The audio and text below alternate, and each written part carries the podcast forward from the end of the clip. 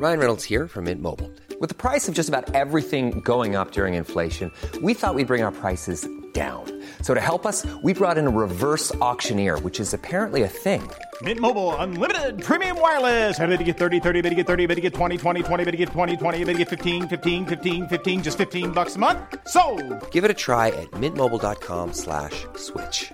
$45 upfront for three months plus taxes and fees. Promo for new customers for limited time. Unlimited more than 40 gigabytes per month. Slows. Full terms at mintmobile.com. I'm Sandra, and I'm just the professional your small business was looking for. But you didn't hire me because you didn't use LinkedIn jobs. LinkedIn has professionals you can't find anywhere else, including those who aren't actively looking for a new job but might be open to the perfect role, like me. In a given month, over 70% of LinkedIn users don't visit other leading job sites. So if you're not looking on LinkedIn, you'll miss out on great candidates like Sandra. Start hiring professionals like a professional. Post your free job on linkedin.com/people today.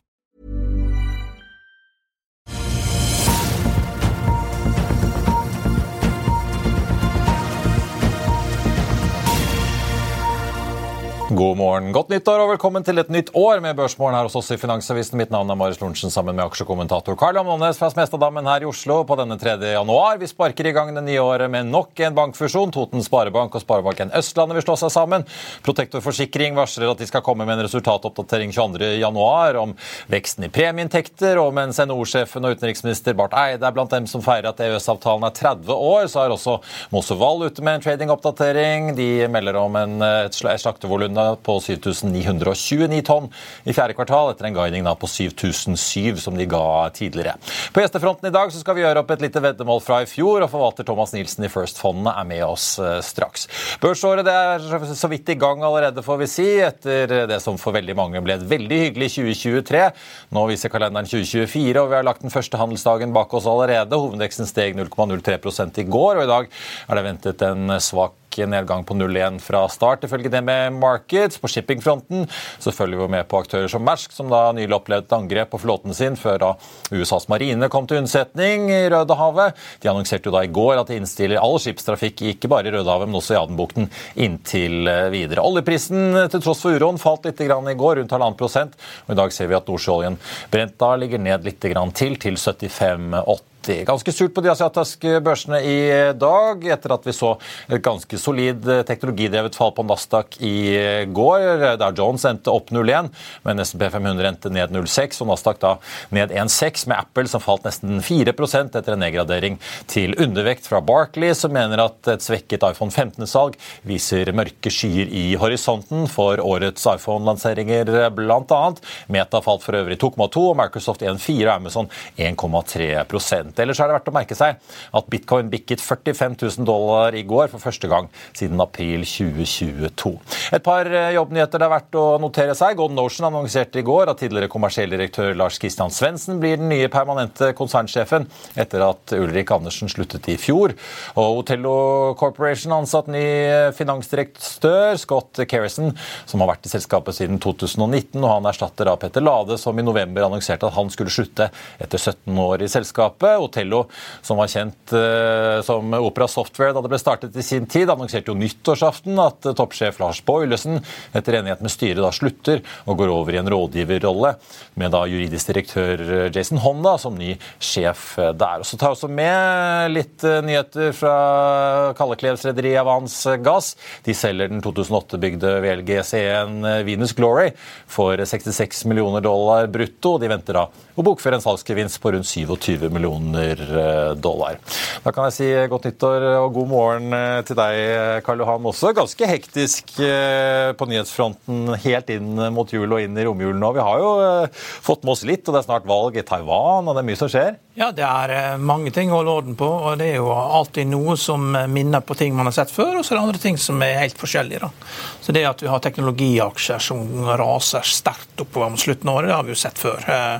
Men da var ikke oljeprisen så høy. og det er jo, Her er det er en del ting å, å ta tak i. og det er klart det Federal Reserve har også skiftet politikk. Det, og da er spørsmålet liksom har, har de abdisert? Er det offentlige utgiftene som styrer om vi får nedgangskonjunktur eller ikke? Det virker som at det er Janet Yellen som styrer amerikansk økonomi, og at Powell han, har, han, han styrer sitter, sitter, og følger med på det som skjer, og tilpasser seg det. Og det er klart, Får du da høyere renter, så vil man da kunne Pensjonsfond vil kunne, kunne kjøpe både statsobligasjoner og selskapsobligasjoner og få en fornuftig avkastning, slik at det vil være alternativer.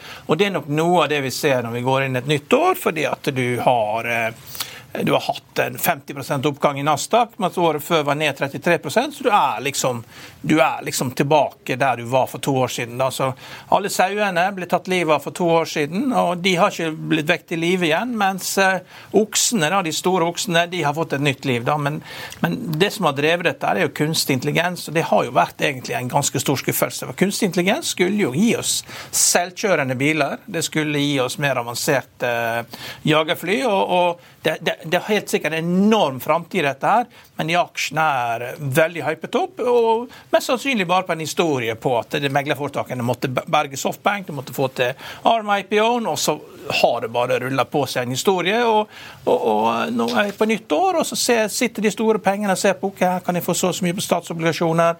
Nå er statsobligasjonen over 4 i går igjen. Og, og eh, hvis du da ikke får inflasjonen da ned på 2,5% som man tror, den blir 3% og kanskje 4% så er jo det en måte å bli kvitt gjelden på. og Det er et alternativ til aksjer. og Da er disse aksjene her veldig dyre. Det Apple og Nvidia og sånn. Og vi har jo sett Nvidia denne filmen før. nesten 40% i fjor, ja. Vi har sett denne filmen før, og, og det var mye verre før. da TMT-bobla var mye verre, fordi da, da, var liksom alt var rundt der. Nokia-telefonen overalt, det var 95% markedsandel. Alle småselskapene var der, og du kunne gå rundt og slenge You don't get it, you don't get it. Du forstår ikke hva som skjer da. Men nå er det egentlig bare en boble som er oppblåst, alle skjønner at dette er en boble. Og så må man være investert. da. Og Så kommer det nå inn på nytt nyåret, og så skal alle 401K-pengene inn. og Det er mye høyere lønninger i USA enn i Norge. så det kommer til alle de som vil selge, de får god exit-likviditet. Det kommer til å renne inn med penger i disse indeksfondene første halvår. Du vil ikke merke noen stor forskjell til å begynne med, med mindre da Kina går, går til angrep på Taiwan. Da er all bets off, liksom. Da ja, for det valget er vel 13. januar, er det ikke det? Så det er jo rett rundt hjørnet? ja. Ja, og ellers da, vi prøver å unngå å, å snakke så mye om uh, Donald Trump. da Jeg så det var en, uh, en prosecutor som var ute og sa This is what happens when you squeeze an orange from all sides. liksom. Og Det er jo ganske dramatisk utfall. og han, Jack Smith eller han sier at dette er en mann som skal i fengsel ikke sant, på Twitter. Så det, det er ganske harde kamper her. og Da er det liksom presidentvalget i USA sannsynligvis kan godt hende vi får to helt nye kandidater. og Vi må prøve å unngå å snakke for mye om Donald Trump, og det har vi ikke snakket om, men, men er, det, er, spesielt det som skjer. altså at uh, han eh, er i ferd med å både gå i fengsel og miste sitt eh, forretningsimperium. Og Da kan kanskje i hvert fall republikanske kandidaten hete Nikki Haley, eh, tross alt? Vi får ja, det kan være Gavin Newsom som er mot kandidaten. En kjekk mann. Det, ja. Han uh, vet å lage show og stille opp for Fox News for å få god seertall, han. Ja, ja, ja. Ski kom på besøk til San Francisco, så var alle hjemløse borte fra gaten i San Francisco. Det var ikke noe problem. Ingen vet hvor de har blitt av. Nei, det, så Litt sånn kinesiske takter der, eh, kanskje. Men jeg syns det var interessant å merke seg Jeffrey Gundlach i Double Line var jo på Tucker Carlson, som jo har slått seg opp på Twitter eh, her i går. Snakket om at eh, den gjeldsdrevne oppgangen i hvert fall han mener han har sett siden 2015, hadde jo ikke vært mulig uten lave renter. Så så vi jo rentene stige opp til 5% nesten på tiåringen i hvert fall i oktober. Men vi endte jo året omtrent på hva var det, 3-9, akkurat der hvor vi startet. Eh, litt som du sa, Hvis du spoler ut liksom mange av disse børsene nå to år, så har vi jo kjørt en pen berg-og-dal-bane. Ja. Nei, så det er, eh, det, er spennende, og, det, er helt tydelig at hva var det Winston Churchill sa? The truth is so precious, it's got to be surrounded by a bodyguard of lies. Det er veldig mye nå som vi egentlig ikke skjønner hva som foregår. Det foregår jo kriger i, eh, krig i Ukraina, og USA ser ut til å vinne med, med artilleri, da, som egentlig Norge åpner for våpeneksport til Ukraina, selv om de er i krig, som jo egentlig ikke er et norsk prinsipp? sto sørstatene med i borgerkrigen i 1865, og, og, og eh, F-16-jagerfly, da. Man snakker om man skal begynne, man har ikke begynt å bruke det ennå. Dette er jo 50 år gammel teknologi. Selv om at et jagerfly nå er egentlig bare at du går og så har vært inn i en sånn Gripen, og det er en sånn softwareboks som står rett foran deg. Du bare skifter ut den. og det er jo egentlig, Så de, de, de foretar jo oppdateringer hele tida, men likevel, det er jo 50 år gammel teknologi. Og Russland altså er i ferd med å tape denne krigen med, med selv om Nato ikke har brukt 50 år gammel teknologi. Men det er klart at alle dronene og alt dette her i, det skaper jo en mørk framtid framover. Det er klart her er mange ting å gjøre seg for, men, sånn som det ser ut nå, da, så, eh, så virker det som at man har tenkt å ødelegge omtrent alt det militære utstyr som Russland har, på samme måte som nordstatene slo sørstatene. Og da er det, da er det bare å spasere hjem når alt utstyret er ødelagt. Eh, det har jo vært en del nyheter i løpet av julen nå. Vi får jo med oss Okea-sjefen på fredag. De meldte jo om et kommende milliardtap på denne Statfjord-dealen med Equinor som vi skal grave litt i. Norwegian fikk grønt lys til å kjøpe Widerøe. Vi har hatt et stort oppkjøp på sokkelen, eller altså får vi si på europeisk sokkel. da. Harbour Energy, britisk noterte oljeselskap, kjøper Winters Aldea, unntatt Russland-virksomheten for litt over 11 milliarder dollar. Der har vi en norsk finansdirektør, Alexander Krane, som jo var i Aker BP i sin tid. Nå kommer Harbour inn og blir ganske store på norsk eh, sokkel, så det har jo skjedd litt eh, dealer eh, rett før ja, nyttårsrakettene gikk i luften? Ja, det er klart det dealer blir skapt av ubalanser. og Sparebankfusjon igjen? Ja, jeg ser. Eh, Toten Sparebank opp nesten 13 ja. Eh, Sparebanken Østland da opp to blank.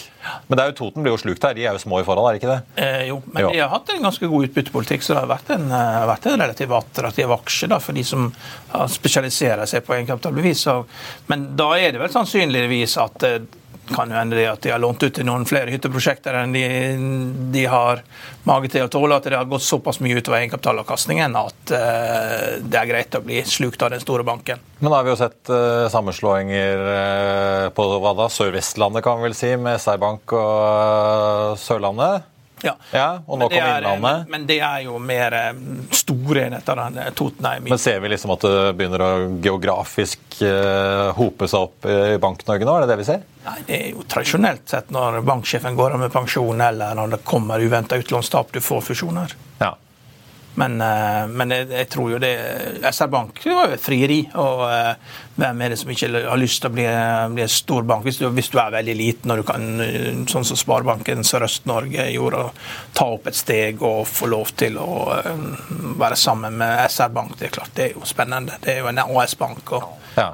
Nå er det Innlandet som det skal satses på. Med, de skal bygge opp kompetansemiljøet på Gjøvik i samarbeid med NTNU, og, sier de, og alle skal beholde jobben. og så det, De må jo se andre synergier enn å bare kutte antall ansatte. da. Jo, men eh, Toten er så liten i forhold til Sparebank Østland er jo stor. Ja. Stor bank. Så det, det, er ikke noe stort problem for de dette her. Det, eh, disse, jeg synes det var litt interessant også disse bilaksjene. Vi fikk jo tall fra både Rivian og Tesla i går. Uh, Rivian falt jo 10 da. Nå er jo de små i forhold til Tesla. Men likevel, leveransene falt jo. De økte produksjonen eh, litt. Grann. Slo likevel guidingen da, på å bikke 50 000 eh, leverte biler i 2023. Aksjen er jo ned, og fortsatt, selv om den steg nesten 30% i fjor, da, så er den jo fortsatt ned liksom 80% på et par år. Ja. Så det er ganske hardt å være nykommer i bransjen. Vi har sett også fisker uh, slite tungt. Ja, Men du, det, det, det, store nyheten er jo at BYD, altså Billy og Dream, går forbi uh, Tesla. Tesla, i, i, Tesla som bikket 1,8 millioner biler. Ja, ja, selv om de først håpte på to, så likevel. De har jo vokst jo fra drøye 1,3 til 1,8 i fjor. Og, og BYD har jo veldig stor bredde i modellapparatet, og de må jo, de må jo altså Tesla dominerer jo Stavanger-området. De har jo en gigantmulighet til å lage en familiepakke der borte. De har jo både modellen Han og Tang. Og Hvis de da kjører inn modellen Tore imellom, så kan du ha en familiepakke tre elbiler, han Tore Tang, sikkert på selge som bare det. I hvert fall i Rogaland, ja. hva jeg skulle si. Ja. det var veldig bra. Vi får uh, få inn dagens gjest uh, Karl Johan også, mens da børsen er ned 0,2 eh, fra start. Et par analytikeroppdateringer som har vært å merke seg i dag også. Carnegie har regnet litt på Sats, og kanskje de skal begynne å trene der nede på meglerdesken også, nå som det er januar og et nytt år med nye muligheter. De øker i hvert fall kursmålet da fra 16 til 20 kroner og gjentar sin kjøpsanbefaling. Aksjen klatret jo betydelig da gjennom høsten og ble sist omsatt da i går for 14,92. Og så har SEB regnet litt på Equinor. De tar kursmålet ned da fra, 3, nei, fra 410 til 375 gjentar. Likevel kjøpsanbefalingen. Den endte i går på 3,26, og det er ikke så lenge til heller da. Equinor avholder sin årlige kapitalmarkedsdag i London på starten av neste måned. Vi er straks tilbake med Thomas Hilsen i First-fondene rett etter dette. Vil du bli oppdatert på det viktigste som har skjedd innen finans og næringsliv? Da er det bare å følge med, for hver morgen er jeg, Marius Lorentzen og aksjekommentator Karl Johan Malnes på plass i studio for å ta tempen på dagens marked i Børsmorgen. Og hver ettermiddag oppsummerer vi alt du trenger å vite i økonominyhetene, og det blir selvfølgelig masse interessante gjester. Klikk deg inn på fa.no-tv, eller søk opp Børsmorgen og Økonominyhetene der du hører på podkast.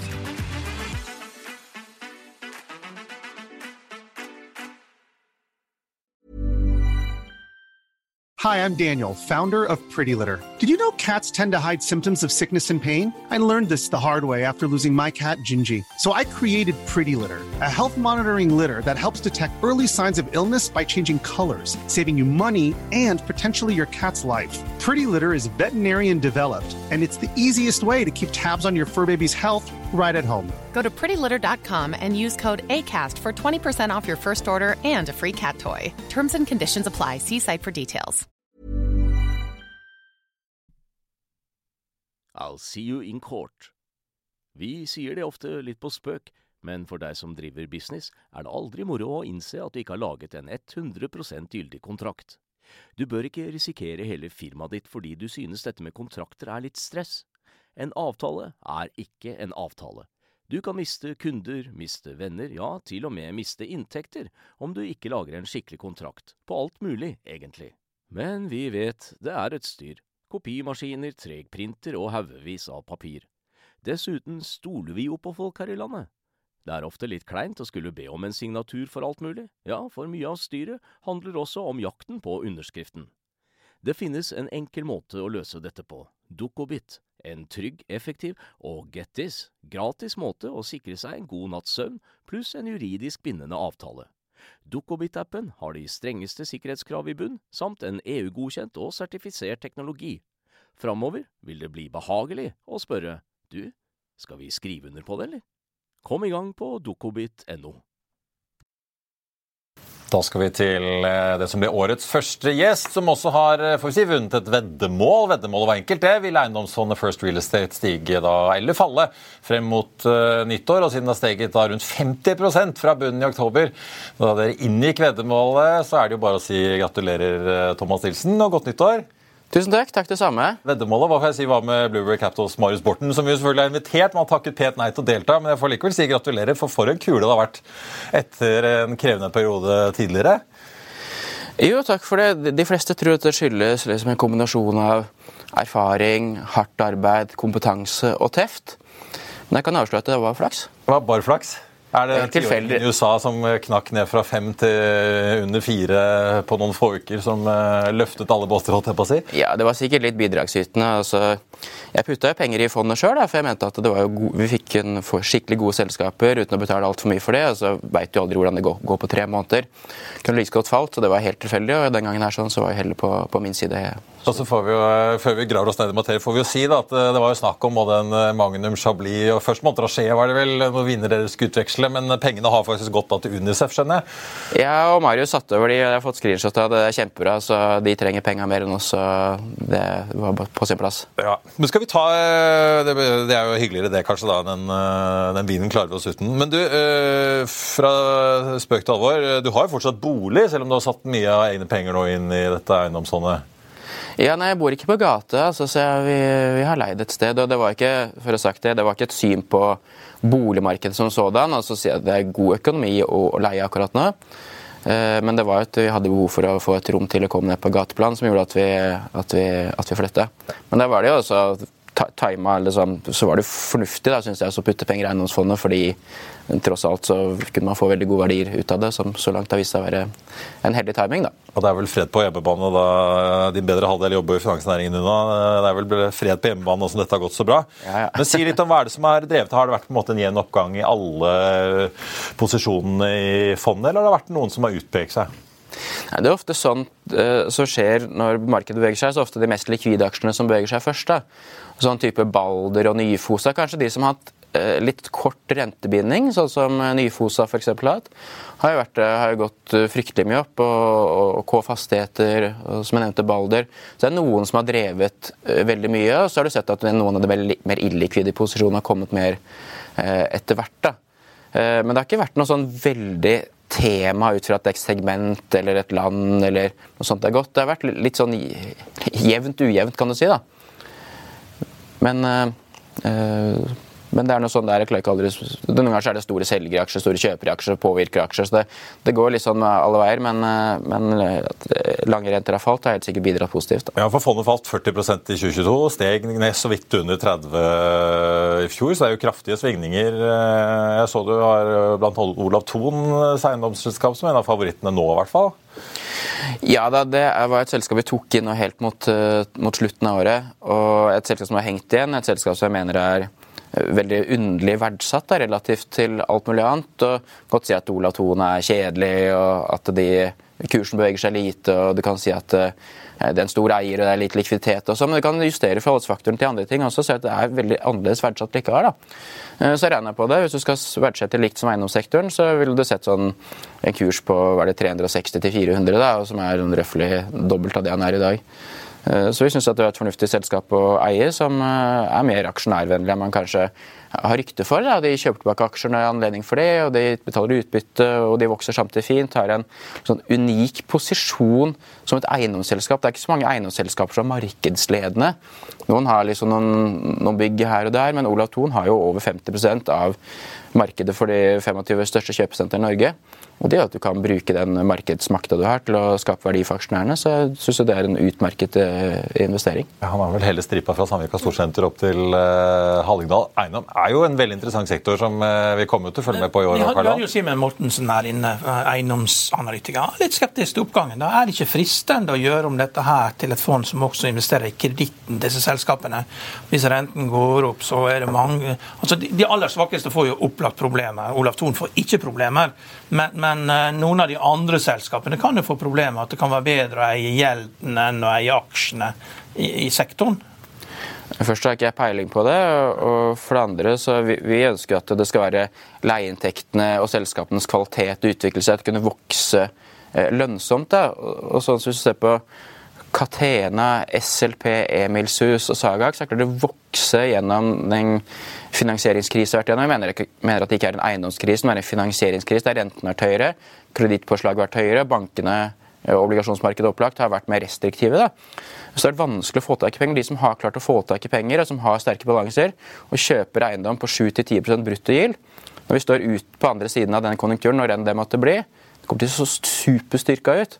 Og Det er sånne selskaper vi vil ha i fondet. Det er derfor, derfor jeg håper at vi også kan, kan ha en veldig god avkastning på fondet over tid. Da, fordi vi må eie de kvalitetsselskapene klare akkurat det der. Og, og når bankene ikke gir lån til nye selskaper, f.eks., og mange av de på børs ikke klarer å vokse, så er det noen som står styrka ut. og Derfor er, setter jeg veldig pris på at vi går gjennom sånne konjunkturer som vi gjør nå. Selv om du påpekte helt riktig at fondet er 40 Eh, det heter ikke i fjor lenger, men i 22. Forfør, ja. ja. det gjelder å nullstille kalenderen i hodet. Ja, men for å si det, Hvis man sitter og leser disse regnskapene, så er det jo nesten litt sånn schizofrent. Du kan jo se på netto reinntekter på mange, i hvert fall de litt solide som Entra og sånn eh, som har liksom solide bygg i sentrale strøk. Der tikker jo liksom inntektene pent og pyntelig oppover med KPI-justeringer og det som er. Men så er det jo gjerne enorme nedskrivninger i verdiene, og så blir jo spørsmålet om de klarer å betjene gjelden. Men det må, må, det ikke komme store på en måte, refinansieringer og oppgjør her etter hvert som det kommer forfall for eh, hele sektoren? Det kommer an på hvordan selskapene er finansiert. Da. Men som du sier, så Er det noe du liksom styrer unna hvor du vet at her kommer det? Ja, som SBB er et selskap vi aldri har gjort verken på vei opp eller ned, og som vi, som vi, vel sannsynligvis ikke kommer til å røre. eller Selv om det skulle bli godt finansiert, så har det liksom en så dårlig historikk at det der vil vi ikke tørre å, å rote oss borti. det. Eh, Nå glemte helt hva var det du spurte om igjen. Nei, det var jo re, altså, refinansieringene selv Ja, ja, for ja. solide aktører vil jo bli Ja. dyrere enn det har vært historisk, da, hvis du i hvert fall ser det litt over tid. Hvis vi ser i fjor, da, eller når vi gikk inn i fjoråret, så var inflasjonen i Sverige 10,9% Det er kjempefint, og alt det gikk gjennom. Problemet var jo at rentene dobla seg. Rentene var på 100% inflasjonen var, var 10 da. Sånn at Da blir jo det et negativt regnestykke for resultatregnskapet til selskapene. Og nå i år får vi snitt for fondet rundt 5,5-6 altså Det er en 6,5 i Sverige, så er det 5 i Norge og så er det 5 i Finland. så røffelig da. Eh, Så det vil komme inn, Men nå kanskje ikke rentene skal doble seg lenger. da. Kanskje de skal være flate, kanskje til og med går nedover. Hvis du ser på markedsrentene, Jeg aner ikke hvor rentene skal, men se på hvor markedsrentene er, så skal jo de uh, få lavere rentekostnader gradvis, samtidig som du får den høye inflasjonsjusteringa. Så kanskje det går til å være liksom det po to positive ting da, som kan skje for eiendomsselskapene. Og på finansiering så det er helt opplagt at det, det er fint å ha finansiering på flere fronter, fordi bank går i en ulik syklus enn obligasjoner. Du må selvfølgelig alltid ha nok penger til å kunne øh, håndtere forfall og ha likviditet i det. Men det er klart du burde ikke alltid ha alt i obligasjoner, alltid i bank sannsynligvis, hvis du ikke har en veldig sterk balanse i utgangspunktet, fordi de går i ulike sykluser. De som låner penger eh, eh, av bondinvestorer, de er liksom en annen humørsyklus enn en bankene har. da. Og Nå er kanskje bankene på sitt aller, aller verste, ikke sant? og nå har vi fått en nedskrivning ned. Mens kanskje obligasjonsmarkedet er i ferd med å bli mer fornøyd igjen. da. For det å ha bonds var liksom ensbetydende med at det var helt jævlig. Eh, Men det finnes mange typer bonds, og Sagax er jo finansiert med 90 obligasjoner. og Det går jo helt fint. Lange løpetider, og la, fastrente og lave renter, eurobonds og helt supert. da. Det er det mye kursfall i obligasjonene. Men det at vi faktisk da endte med mange av markedsrentene på samme nivå som for et år siden, det gjorde vel kanskje at det var mange revisorer som slapp å ta ganske store nedskrivninger i regnskapene nå som årsrapportene skal utarbeides òg? Nei, for vi har jo et, gjeld, det er gjeldsproblem. ikke sant? Det er, det er for mye gjeld overalt. Både stater og selskaper. Og, ja. og det, må, det må liksom gjennom slangen. da. Det må absorberes. og Da tåler man ikke så mye renteoppgang. Ja. Men er det noe utover eh, Olav Thon som du tenker at eh, er noen sånn skikkelige juveler? For du sa jo du tok jo Olav Thon inn i fondet på tampen av Ja, året. det var, ja, det, så det, første var litt fordi alt annet hadde gått fryktelig mye opp. Olav Thon har veldig veldig gode nøkkeltall. Jeg burde egentlig hatt den inne fra før, men vi hadde jo si, heldigvis ikke det, da, for det er jo en sånn aksje som til har hatt fastpris. Men jeg prøver å kanskje fortelle at det ikke burde ha det, da, men burde være på et annet nivå enn han er i dag. Kanskje på den andre siden av 200 enn han er. Men jeg tror et selskap som SLP, Swedish Logistics Property, i Sverige har lager med veldig lav leie i utgangspunktet. Det er en sånn ting som folk ikke alltid ser på. at Man ser på hva er nettogilden, og så er det det, så er ferdig med det. Men problemet er jo noen ganger at hvis du har for høye leier, og de skal ned, sånn som kanskje kontor i Stockholm har, da, sånn som Fabege kanskje har, når du skal reforhandle de kontraktene, så må du ned. For du har, du har skrudd de opp for mye med inflasjonen, så må du ned igjen. Og Da blir plutselig gilden din noe annet da, når du får lavere leie. Mens SLP, da, som har, jeg tror det ligger på drøyt 600 kroner per kvadratmeter på sine lager, og dette markedsleiene er sannsynligvis over dobbelt så mye som det, så når de kontraktene gradvis går ut, kommer det til å bli en fantastisk eh, altså fantastisk kontantstrøm Da blir det. rullert oppover eh, Ja, jevnt og trutt. og fordi lager også? Lager har ikke noe særlig capex, det er eiendomsteknisk enkle bygg. Eh, Det er noen lysstoffrør og noen garasjeporter, eh, og det er ikke masse flotte ikke sant, lamper og tepper og, marmor og parkett og sånn. Sånn du får liksom både høy gild og lave vedlikeholdsinvesteringer. Eh, Og når da leien i tillegg går opp, så tror jeg det der er et selskap som kan være en fantastisk investering også fremover. Men tilsvarende kanskje litt på både Catena og Emilshus også, da. Ja. Eh, Du, du forvalter jo to fond. Du er mest kjent for Veritas-fondet, som jo eh, nå bak i historien har to gode. Et fantastisk år og et litt surt år i forfjor, da ned 14, drøye 14. Og endte altså opp nesten 29 eh, i fjor. Oslo Børs endte opp 9,9. Eh, Så du gjorde jo langt bedre enn det, men det er jo et fond du gjør veldig lite med. Du tok jo riktignok inn ett selskap eh, på tampen av fjoråret der også, da. Men hva var det som, før vi tar det selskapet, hva var det som drev opp eh, Veritas i fjor? Tenker du hvilke selskaper, eller om det var noen temaer? eller? Ja, eller om det var liksom noen sånn temadrivere som Nei, jeg har ikke, jeg har ikke peiling. Det er et veldig sånn befriende fond, fordi du slipper å tenke. Du har lagd en modell som plukker selskapene ut fra fire kvalitetskriterier og tre Risikokriterier trenger jeg mene noen ting om markedet, om enkeltselskaper med oljepris eller makro eller hva det måtte være. Eh, så Den plukker gode selskaper, og så prøver den også liksom, på risiko. Da. Et supre selskap, men en risiko kjøper for dyrt. sånn at Prising er også en del av den risikoparameteren, sammen med eh, hvilken syklisk fase du er i. Har du, har du superprofit, så er det risiko for at du ikke kommer til å ha det i framtida. At, at, du har for mye gjeld, som også er en risikofaktor. Eh, så Det er et fond som eh, har gjort det bra over tid. og Backtesten på det viser at det gjør det bra over tid, men det gjør det ikke alltid bra. For noen markeder, sånn som vi hadde i 22 og for så vidt til dels i 21 også, så er det andre typer temaer som er mer populære, og det er vanskeligere for gode selskaper å vokse lønnsomt når verden er i en sånn klimaks... Vekst, tro, håp og kjærlighet? Eh, ja, for eksempel. Ja. da. Så Jeg aner ikke når de der ulike markedene kommer, så jeg prøver ikke tilpasse det. Dette har funka fint over tid, og også før fondet ble starta, så det, det, er jo modig portefølje du har. Det er jo en uh, annerledes portefølje. Altså, jeg vet ikke hvor oppdatert det er, men liksom Evolution, Avanza, KN Telekom, Pandora, Bouvet, Biogaia, Paradox uh, Novo Nordisk var jo ja, Nordisk, bra kule. Admigam. Ja. Og, det er jo klart det eh, Det står lista liksom 23% software, 16% entertainment, det er 40 og Software spiser verden, ikke sant. Du har jo Eh, tilfeldigvis lander da ned på ting som, eh, som, gjør det veldig bra, kanskje uten at du har tenkt over at det er disse sektorene? Jeg, ikke, jeg aner ikke sektorer. Jeg, jeg velger ut fra disse ja. parameterne. Så velger jo da modellen ut selskapene, og de er i forskjellige sektorer. heller. Hvis Du kunne ikke bare hatt oppdrettsselskaper, for å si det sånn. da. Eh, men det er gode selskaper, og jeg tror ikke jeg klarer å kjenne igjen såkalte moats bedre enn andre. Altså jeg skjønner at eh, Kjøper du Microsoft, så har du store byttekostnader som bruker av Microsoft. altså Jeg forstår det. da. Coca-Cola har et bra brand, jeg skjønner det, men liksom jeg, jeg, tror ikke jeg skjønner sånne ting bedre enn andre. Så modellen med å plukke ut disse selskapene som har en del av disse kvalitetsparameterne, uh, scorer godt på de. Uh, og da blir det en fin portefølje av det i sum, uh, som, skal, som, skal, gjøre det godt også over tid. Eh, og vi har, For å, liksom, for å slå markedet, så må du liksom gjøre noe annet enn markedet. Jeg er helt uopptatt av hvordan markedet er skrudd sammen. Vi kjøper de selskapene som vi syns er ok. Det er vel det som er definisjonen aktiv forvaltning. Eh, Eh, aktiv, ikke som i å være hyperaktiv, men aktiv som å avvike fra markedet. ikke sant? I hvert fall tatt noen bevisste valg. For du krever jo bl.a. ti års uh, historikk også, så du luket jo effektivt ut alle opp- og nedturene vi fikk på Aeronext Growth de siste par årene. Men du har tatt inn svenske um, Axfood, som jeg jo ser det med Markus fortsatt har en kjøpsanbefaling på. Hva er det som gjør at du tar inn denne svenske matbutikkjeden? Svaret på det spørsmålet vil alltid være det samme. De har såpass høy score at de fortjener plass i fondet. Ja. Og de har levert gode tall, og så kursen har vært liksom, liksom midt på treet. da. Så mange andre selskaper har gått en del opp. sånn at Relativt sett så, så det mer og mer og mer attraktivt ut ettersom tallene var gode og kursen ikke var kan du si, god. da. Så, så da kom den inn i fondet. Det vil alltid liksom være svaret mitt på det spørsmålet. at eh, Jeg klarer ikke gjette sånn der, at nå skal de ha et bra kvartal eller bra år. ikke sant? Nå skal matvareinflasjonen ditt eller datt neste år. Jeg har ikke peiling på det. Men de har, levert gode tall over ti år, og det, og det har andre selskaper i fondet også. Hvis du har levert gode tall i ti år, så er det en overveiende sannsynlighet for at du er et bra selskap.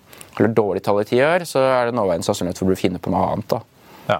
Men du kan eie private selskap også, ikke sant? Nei, vi skal eie selskap på børs. Ok. Og bare for, du, når du sa KN Telekom, ja. så er det, er det, Bahnhof som er det faktiske navnet på det. Okay. Så det, Men jeg vet også at det kommer opp det der du sier i, ja. i Blueberg eller et annet sted. Okay. Men øh, nå har du vært ute på Twitter eller X som det nå heter, og pekt på hvor farlig det er å spå for det nye året. da. Eh, nå var vel SMP opp 25 eh, i fjor. Det var vel Wells Fargo som var nærmest med en bet på 12% opp. De andre lå bilvis under det. Men hvis vi skal snakke litt om det nye året, da. Hvis vi tar eiendom kanskje da først, Hva kan på en måte dra dette opp eller ned?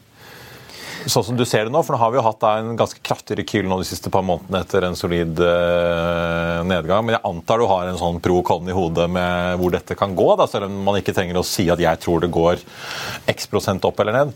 Ja, det er noen som viser grafer på Twitter som viser en veldig veldig tett sammenheng mellom lange renter og prising av eiendom. Og Det tror jeg er riktig liksom på kort sikt. Jeg tror også riktig for en sånn bred indeks.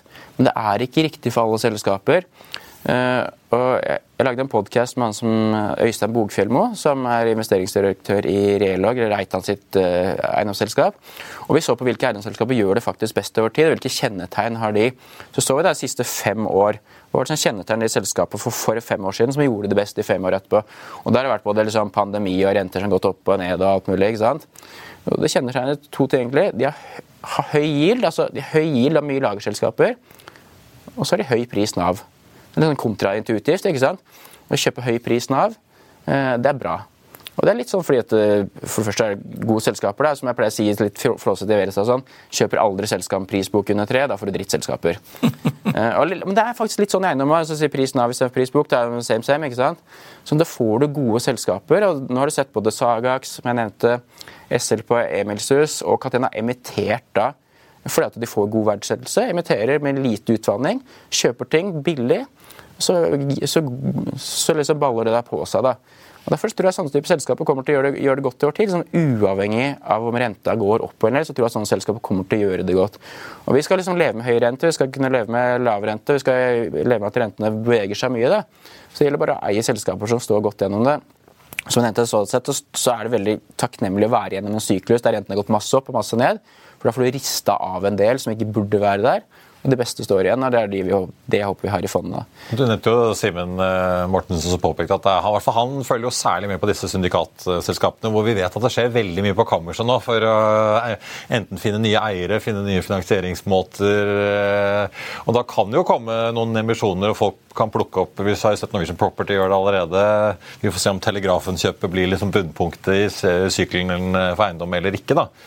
Men øh, vi kan jo se at noen kommer ut her og har kjøpt ting billig underveis. Helt klart. helt klart. Det er kjempebra. Det er det som er bra med sykluser. Har du god finansiering, og det er en selger som er motivert, som man kaller det, kjempebra. Jeg elsker det. Spørsmålet og det, Selskapene skal jo vokse. ikke sant? Du liker ikke at prisene går opp, du liker at prisene også går ned, så du kan vokse mer lønnsomt. Ellers blir det, ikke noe, ellers blir det vanskelig. ikke sant? Nei. Så tenkte jeg, Vi får jo se, da. Jerome uh, snudde jo veldig fort på noen uker her uh, før jul. Han har hatt et møte hos sin tidligere arbeidsgiver, KKR. eller han kom til Jesus meeting. ja, men Det var det jeg skulle si. Det virker på meg som veldig mange liksom tar det for gitt at nei, men nå har de liksom snudd. Nå begynner de å snakke om når de skal kutte og sånn. Men jeg føler vi har sett den filmen før hvor veldig mange legger det til grunn og tar det for gitt, og så, opp, så var det ikke sånn likevel. Jo... Men, det, men, det, er en veldig spesiell økonomi. Det har enormt offentlig forbruk i USA. Eh, langt over skatteinntektene. og eh, det er jo, eh, De styrer jo økonomien som skulle vært en krigsøkonomi. Og, de, og når de da garanterer omtrent det ikke skal bli nedgangskonjunktur, når konsumentene Altså alle CEO-er du spør liksom, som blir intervjuet av disse her uavhengige på podkast, ser jo at det, økonomien for konsumentene er jo nedgangskonjunktur. Hvis du spør bilselgere i Norge, husselgere. Men så er dette med krigen, da. Og krigen driver jo etterspørsel. og eh, Mye mer enn Inflation Reduction Act, for det, det, kommer jo ikke i gang. ikke sant? Nå de, kommer jo julen også og kutte ned på hydrogensatsingen. ikke sant? Og det var jo det eneste som eksisterer, et av de største selskapene skulle satse på, det var hydrogen for det, det, det, skjønte de at det kunne de liksom ikke skade seg så mye på. da. Men, men eh, Så det, er, det, skjer veldig mye militært. og Jeg har vel sagt det før også, jeg var i møte en gang med, med Fluor Corporation uh, ute i, i California en gang. og Etter at Kværner hadde fusjonert med Trafalgar. De gjorde meg oppmerksom på at husk på det at eh, det var veldig mye kapasitet som gikk med til militæret før uh, den kalde krigen ble avvikla. Da fikk vi det peace dividend. Nå er det motsatt. Nå er det mye penger som skal gå inn i produksjon av våpen og, og produksjon av krigsutstyr. og Det er død kapital. Det gir ikke avkastning, men det er likevel det vil bli prioritert eh, framfor mange andre ting. og Det er et av de problemene som er vanskelig å analysere. og Når da, når da politikerne også gjør alt de kan for å presse sitron, nei, presse eh, appelsinen og Donald Trump ut av valget, så koster det også penger for å unngå at du får nedgangskonjunktur. For de har, de har sett at du kan liksom kjøre rentene ned til null igjen, så kommer bare BlackRock og kjøper opp alle husene og skal leie ut til folk. Det, det går ikke. Da er det kanskje greit å eie selskaper som uh, i hvert fall driver godt, da. Uansett hvordan det går. Det er et godt utgangspunkt, det. Ja. Thomas Nilsen i First One, tusen takk for at du eh, kom til oss. Fortsatt godt nyttår. Takk det samme. Blir det spennende å se da, hvordan 2024 blir. Hovedveksten på Oslo Børs eh, starter da eh, dagen ned 0,3, men vi ligger fortsatt over 1300 poeng. 1303 ligger vi da på nå.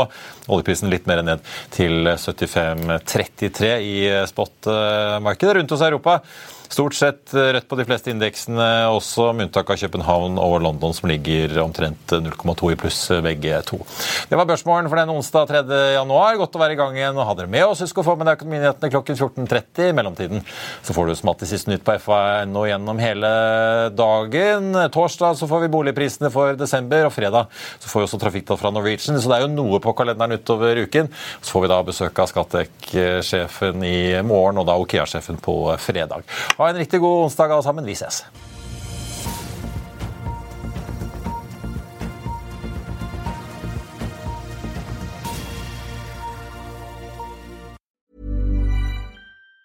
Planning for your next trip? Elevate your travel style with Quince. Quince has all the jet setting essentials you'll want for your next getaway, like European linen, premium luggage options, buttery soft Italian leather bags, and so much more. And it's all priced at 50 to 80% less than similar brands. Plus, Quince only works with factories that use safe and ethical manufacturing practices. Pack your bags with high-quality essentials you'll be wearing for vacations to come with Quince. Go to quince.com slash trip for free shipping and 365-day returns. Hi, I'm Daniel, founder of Pretty Litter. Did you know cats tend to hide symptoms of sickness and pain? I learned this the hard way after losing my cat, Gingy. So I created Pretty Litter, a health monitoring litter that helps detect early signs of illness by changing colors, saving you money and potentially your cat's life. Pretty Litter is veterinarian developed, and it's the easiest way to keep tabs on your fur baby's health right at home. Go to prettylitter.com and use code ACAST for 20% off your first order and a free cat toy. Terms and conditions apply. See site for details. When you need mealtime inspiration, it's worth shopping Kroger, where you'll find over 30,000 mouthwatering choices that excite your inner foodie. And no matter what tasty choice you make, you'll enjoy our everyday low prices, plus extra ways to save, like digital coupons worth over $600 each week. You can also save up to $1 off per gallon at the pump with fuel points. More savings and more inspiring flavors make shopping Kroger worth it every time. Kroger, fresh for everyone. Fuel restrictions apply. Økonominyhetene er en podkast fra Finansavisen. Programledere er Marius Lorentzen, Stein Ove Haugen og Benedikte Storm Bamvik. Produsenter er Lars Brenden Skram og Bashar Johar. Og ansvarlig redaktør er Trygve Hegnar.